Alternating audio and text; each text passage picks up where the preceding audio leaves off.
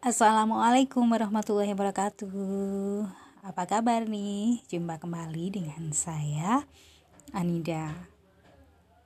Kangen ya dengan siaran, makanya saya membuat podcast podcast untuk mengobati kangen saya.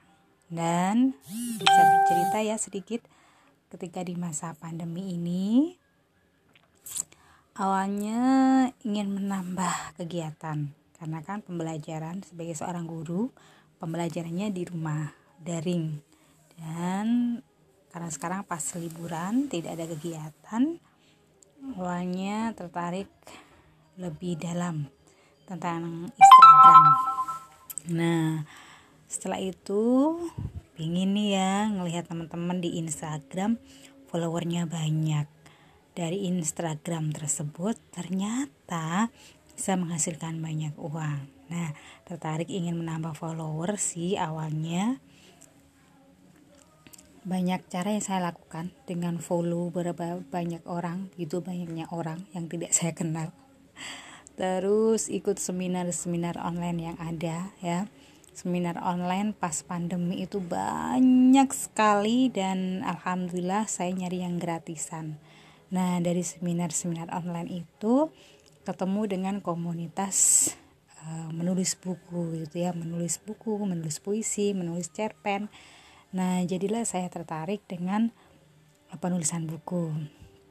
Banyak sekali lomba yang bisa ditemui di Instagram tentang entah itu menulis cerpen, menulis buku, novel, esai, atau puisi. Akhirnya saya tertarik membuat cerpen cerpen pertama saya saya kirimkan. Waktu itu temanya adalah kejujuran. Saya kirimkan. Dan alhamdulillah sih 10 hari atau 15 hari kemudian ada balasan kalau cerpen saya ini akan dibukukan. Senang sekali ya. Karena kirim pertama ternyata langsung mendapatkan respon bahwa cerpen saya akan dibukukan. Yang kemarin tanggal 30 Juni uh, terakhir PU. Nah, sekarang harganya mulai normal. Nama bukunya adalah Rupa Kejujuran. Meskipun tidak ada nama saya di depannya karena ini ada 10 orang, tulisin dan kawan-kawan dan mereka adalah orang-orang yang banyak sekali sudah menulis buku kecuali saya dan beberapa orang lainnya hanya baru pemula. Nah, ini mungkin bisa dijadikan teman-teman pelajaran atau pengalaman ya bahwa banyak sekali loh yang bisa kita lakukan di masa pandemi ini di rumah dengan memanfaatkan media sosial yang ada. Bagaimana? Yuk kita berkarya bersama di pandemi di rumah saja tapi tetap berkarya.